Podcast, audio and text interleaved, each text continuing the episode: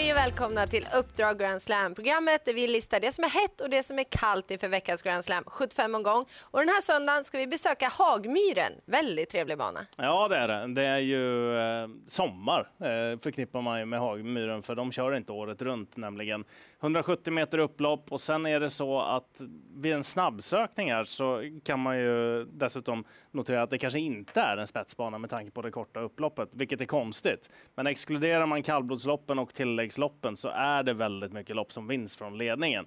Och det är väl värt att trycka på till den här omgången som vi kommer att köra den här söndagen. För det är bara kallblodslopp och vi har dessutom tilläggslopp med också. Så det går att vinna bakifrån också. Mm, bästa dagen för alla kallblodsälskare. Där har vi förutsättningarna. Här kommer veckans heta.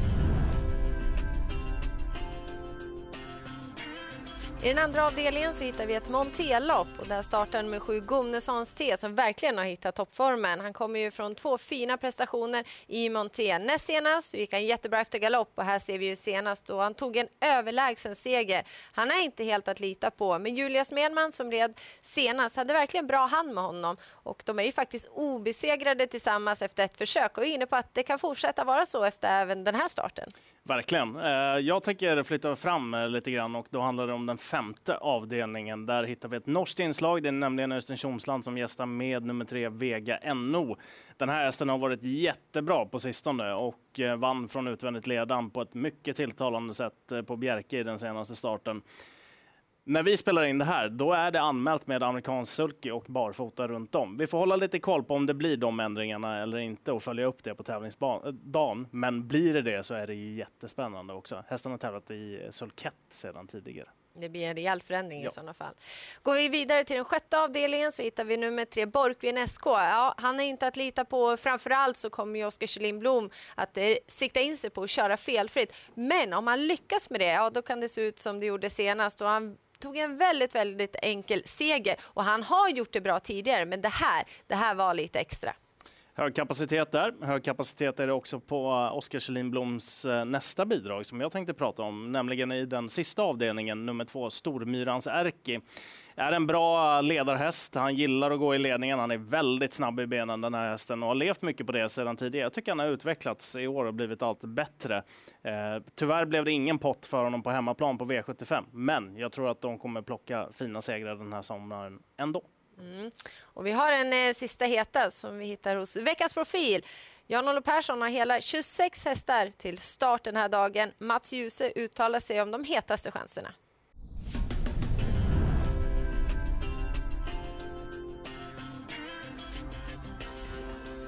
Ja men uppgårdsträngen ser det väl, såg det väl ganska intressant ut men jag tycker han har börjat visa lite bra form igen och, och eh, jag för mig att han fick, kanske står här då, ja spår 5 fick han bakom bilen och det är ju, det är ju eh, jättebra på Hagmyren så ja, eh, han kan man väl kanske, han kanske inte blir så hårt betrodd heller med tanke på att raden inte ser så fantastisk ut och så kanske lite luring. Den ska vi passa och så ska vi ha två ytterligare hästar då, som, du, som du har lite feeling för i omgången.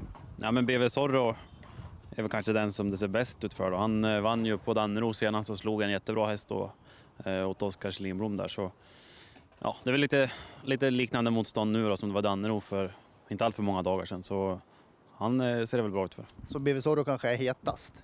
Jag skulle tippa på det så här tidigt i veckan i alla fall. Just det, mycket hinner hända. Och så ska vi ta en häst till. Listan är lång, det gäller att man liksom funderar och klurar. Ja, precis.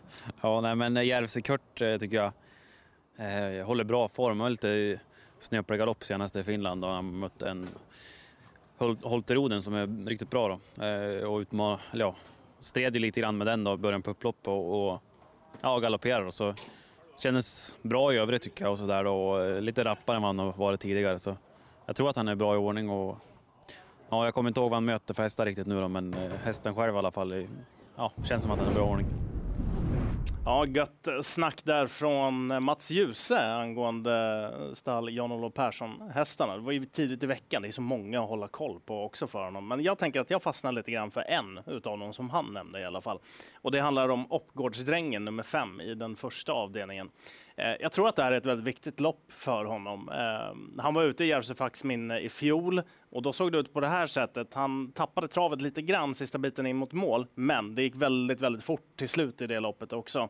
Och han har en ganska dålig rad och kommer nog inte att bli favorit i loppet. Så jag tänker att det finns något form av värde där också. Och han var i ordningställd i fjol till att just vinna det här loppet också. Och jag tror att ja, det känns nog lite extra för Jan-Olof Persson om han får vinna äh, Järvsöfaks minne också. Och Oppgårdsdrängen med tanke på vad Mats sa också så är den mycket tidig. Mm, och om Mats Djuse tror på chans, då lyssnar vi. Eller? Då är det dags för veckans kalla.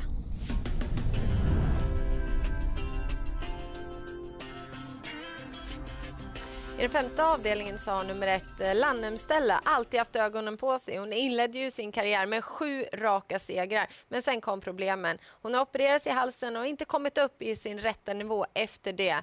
Jag hoppas att hon snart är tillbaka i vinnarcirkeln, men jag vågar inte tro på det förrän jag ser det. Mm, och eh, för min del eh, så den här veckan så handlar det om Månrappa AM och den startar i den sjätte avdelningen, har nummer ett. Det har dessvärre blivit två stycken raka galopper nu på slutet och galopperade lite omotiverat i första sväng i den senaste starten. Reparerade det förvisso på ett bra sätt, men jag tycker ändå att de här två galopperna som har kommit nu i de senare starterna oroar lite grann och hästen kommer bli delvis betrodd på bra läge den här gången, så att ingen spik för mig.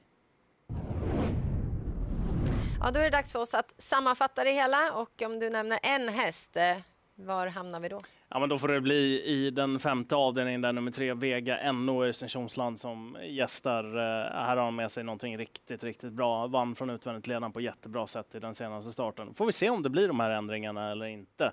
Eh, det följer vi upp på tävlingsdagen. Ja, men det gör vi. Tjomsland, Jan-Olof Persson har fina chanser, men både du och jag tror även på Oskar Kjellin Blom. I den sjätte avdelningen, om han lyckas köra felfritt med tre Borgvin SK, ja, men då kan han bli segerfarlig. Verkligen. Eh, riktigt spännande dag vi har framför oss. Bara kallblod. Det gillar vi. Hoppas att ni också gör det och lycka till på söndag.